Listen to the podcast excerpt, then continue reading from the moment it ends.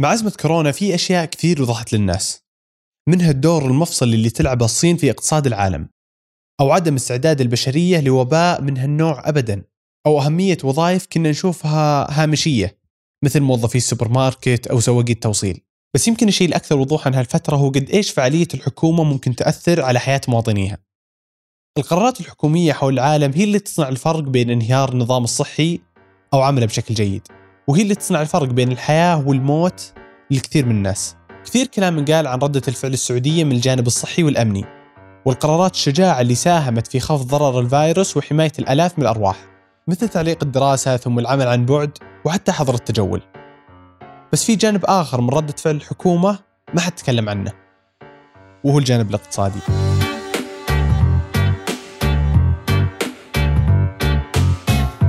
أهلا. أنا الوليد العيسى وهذا بودكاست المحور الثاني من إذاعة ثمانية. وبالتعاون مع الجمارك. في كل حلقة نحكي قصة من عالم الأعمال والتجارة العابرة للحدود.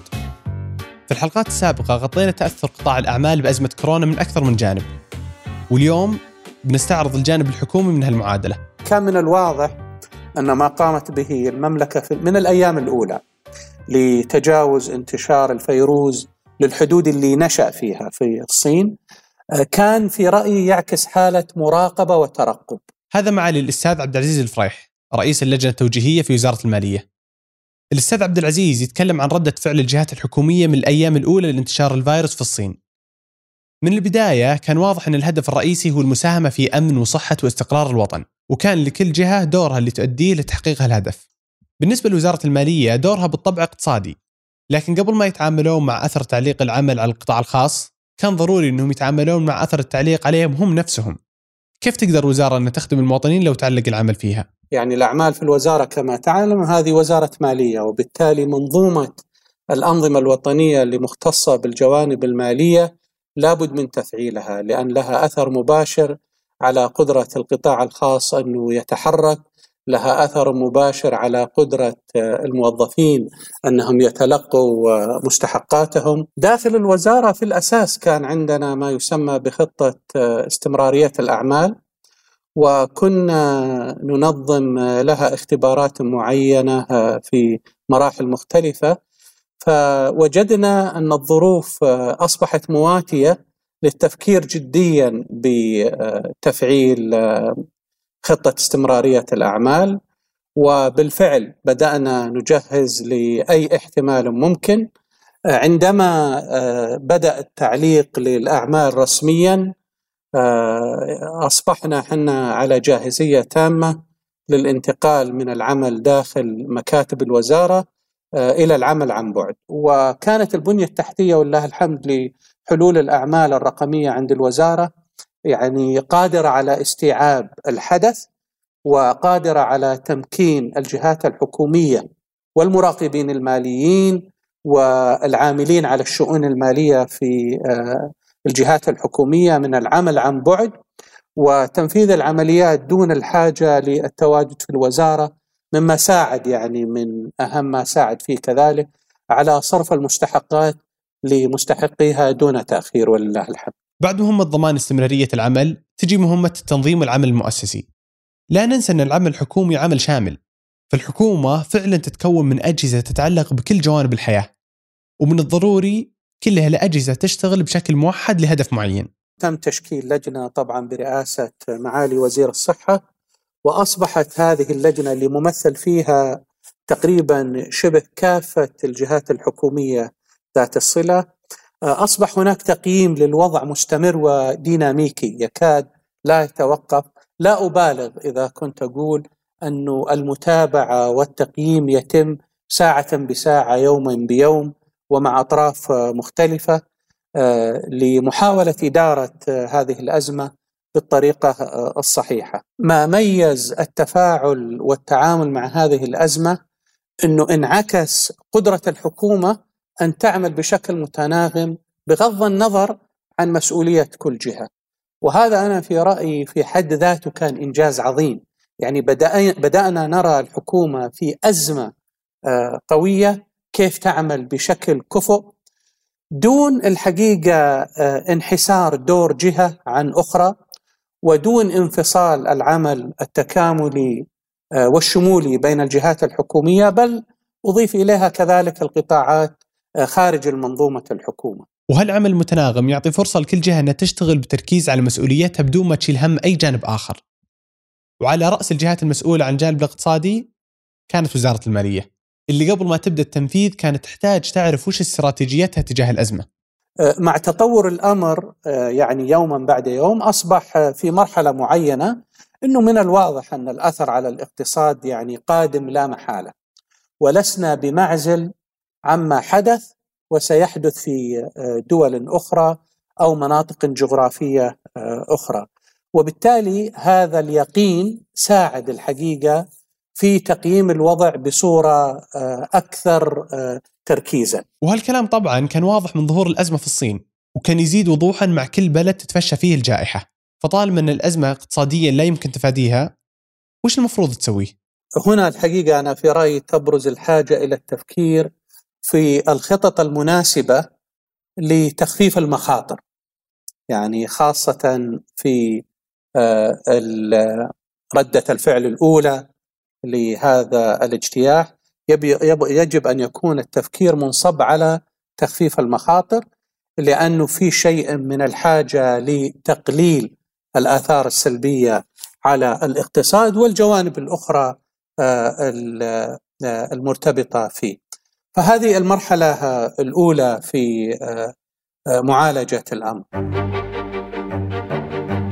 تقليل المخاطر. طالما أن التفادي مستحيل. فأذكى خيار هو النظر للأماكن اللي حتتلقى الضرر والعمل على تخفيفه وعكس أثره. هالفكرة ذكرت نصا في البيان لصاحب أول حزمة دعم من الحكومة واللي أطلقتها مؤسسة النقد العربي السعودي في 14 مارس وبلغت قيمتها 50 مليار ريال سعودي. 30 مليار من حزمة الدعم تم إيداعها في البنوك شركات التمويل. بهدف تأجيل دفعات المنشآت الصغيرة والمتوسطة لهم لمدة ست شهور. فلو أنت صاحب مطعم مثلا وعليك قرض ما يحتاج تدفع أي شيء طوال فترة الأزمة. 13 مليار من الحزمة تم إيداعها في البنوك أيضا بهدف إقراض المنشآت الصغيرة والمتوسطة اللي تحتاج سيولة مالية. في المطاعم مثلا قل الطلب عليها كثير وما تفيدها القروض لكن في شركات أخرى زاد الطلب عليها والسيولة المالية الآن بتساعدها تؤدي عملها بشكل أفضل. وهالشركات كذلك بتستفيد من 6 مليار الإضافية اللي تم ضخها عشان تعفيهم من تكاليف برنامج كفالة الخاص بضمانات التمويل. كذلك 800 مليون من هذه الحزمة راحت لدفع رسوم نقاط البيع لمدة ثلاثة شهور. بعد هذه الحزمة بأسبوع وفي 20 مارس أعلنت وزارة المالية حزمة إضافية من الدعم. 70 مليار ريال آه، في آه، إجمالي آه، الدعم الذي رصد وتراوح الحقيقة بين إعفاءات من رسوم حكومية أو تأجيل كذلك سداد رسوم أخرى وتأجيل سداد الضرائب. 70 مليار ريال سعودي كانت قيمة الإعفاءات والتأجيلات اللي أعلنتها الحكومة. منها الإعفاء من المقابل المادي لمدة ثلاث شهور وهي الرسوم اللي تدفعها الجهات الخاصة بغرض تجديد أو تمديد إقامات العمال. ومنها كذلك تأجيل استحقاقية ضريبة القيمة المضافة لمدة ثلاث شهور ونفسها ضريبة السلع الانتقائية وضريبة الدخل. كذلك كان من ضمن الحزم تأجيل تحصيل الرسوم الجمركية على الواردات واللي غطيناها في حلقات ماضية. لمدة 30 يوم مع تمديد المدة للنشاطات الأكثر تأثرا بالأزمة. كذلك تأجل تقديم الإقرارات الزكاوية وتأجيل دفع الرسوم الحكومية والبلدية لمدة ثلاث شهور وكل هذا تم في 20 مارس قبل شهر تقريبا.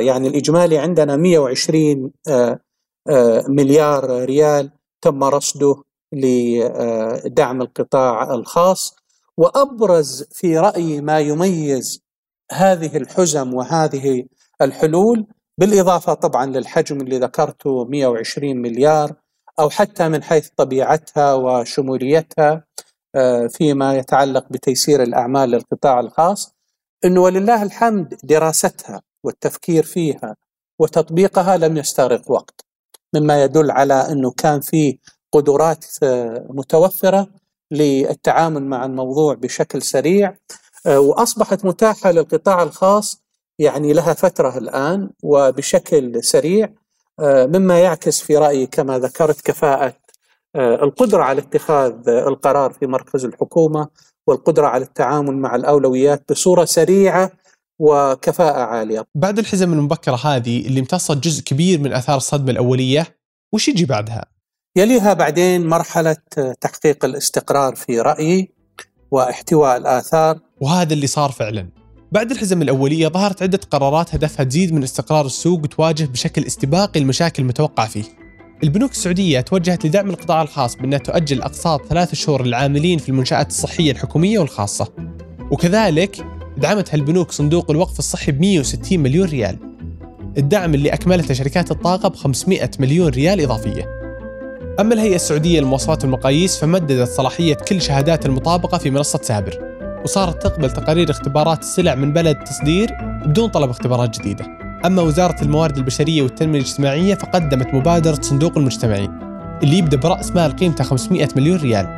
وهدفه يغطي عدة مجالات منها المجال الصحي والإغاثي وحتى الاجتماعي. وفي 3 أبريل صدر أمر ملكي بهدف زيادة استقرار القطاع الخاص. أصدر خادم الحرمين الشريفين الملك سلمان بن عبد العزيز آل سعود أيده الله أمره الكريم باستثناء العاملين السعوديين في منشآت القطاع الخاص المتأثرة من التداعيات الحالية جراء انتشار فيروس كورونا المستجد كوفيد 19 من المواد الثامنة والعاشرة والرابعة عشر من نظام التأمين ضد التعطل عن العمل وصرف تعويض شهري بنسبة 60% من الأجر المسجل في التأمينات الاجتماعية لمدة ثلاثة أشهر بحد أقصى 9000 ريال شهريا وبقيمة إجمالية تصل إلى 9 مليارات ريال. ولا تزال قرارات الدعم هذه مستمرة في الظهور آخرها محفظة الرعاية الصحية اللي دشنها بنك التنمية الاجتماعية بهدف تمويل ألف منشأة صحية أو 900 مليون ضختها وزارة الطاقة كتعويض في فواتير الكهرباء لأكثر من مليون و700 ألف حساب تجاري وصناعي وزراعي تأثروا من أزمة كورونا. بس هل يوقف دور الحكومة هنا على تفادي المشاكل ودعم الاستقرار؟ لا. بعد الخطوتين الأولى في خطوة ثالثة. وبعدها ينطلق التوجه لإحداث حركة تنموية اقتصادية. لا أقول أنها تشبه ما كان عليه الوضع قبل هذا الوباء أو هذا الاجتياح للفيروس ولكن تستشرف ماذا سيكون عليه الأمر لاحقا. بسبب تأثير هذا الوباء لأن أعتقد في سلوكيات وفيه مسلمات قد تتغير بسبب هذا الوباء وبالتالي هذه الخطط يجب أن تتعامل مع هذا الأمر. فعلا. التنمية مطلب حتى في الأزمات. القطاع الاقتصادي ما هو بس قاعد يتأثر من ناحية الخسائر المؤقتة هو قاعد يتغير بشكل جذري. وفي توقعات إن هالتغيرات بتصير للأبد مثل الاعتماد على خدمات التوصيل في شراء المواد الغذائية. اللي غطيناها في الحلقة السابقة وبنغطيها أكثر في الحلقة الجاية. والحكومة تشوف هالتغيرات هالشيء ينعكس في مبادرات مثل مبادرة صندوق تنمية الموارد البشرية. هدف اللي تدعم توطين قطاع التوصيل ب 3000 ريال شهريا للموصل السعودي. بالإضافة إلى راتبه. الأكيد أن كل هذا يتطلب مجهود ضخم من الجهات الحكومية حتى تعمل على جبهتين. جبهة تحل أزمات السوق وتقلل من الضرر الحاصل فيه وجبهة تحاول تجاري السوق في تغيره وتساعده على النمو. كيف تقدر هالجهات أنها تبذل مجهود فائق في ظل ظروف قاهرة؟ الواحد ما يقدر فيها أنه يطلع من بيته حتى. ولله الحمد يعني وبكل فخر كل الاستثمارات اللي تمت في الأعوام السابقة التحول الرقمي الكبير اللي تم في الوزارة وعلى مستوى الحكومة على كل حال آه، ككل. يعني بدأنا نشعر ونلمس آه، عائداته اليوم آه، بشكل فاق التوقعات ليس فقط من ناحية تمكين العمل عن بعد وإنما القدرة على زيادة الفاعلية في التواصل فيما بيننا كفريق. آه، كما هو الحال الآن نسجل عن بعد أنا وياكم الآن. آه، كذلك يتم بشكل يومي من الصباح يعني بشكل مبكر حتى وقت يعني متأخر في المساء. كل أعمالنا كل مبادراتنا كل مشاريعنا كل عروضنا تتم ولله الحمد دون تأخر. بل يعني أصبحنا نشعر أن يعني البعد الزماني لم يصبح موجود.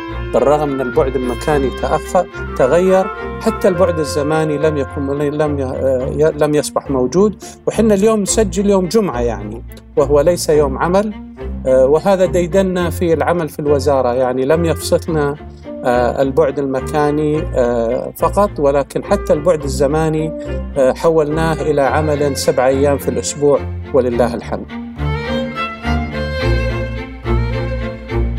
هذه الحلقة من إنتاجي أنا الوليد العيسى مازن العتيبي والعنود شويعر حررها محمد الحسن وراجعتها روان الفريح وأسيل عبد الله وأشرف عليها عبد الرحمن مالح العنود شويعر وعادل برجة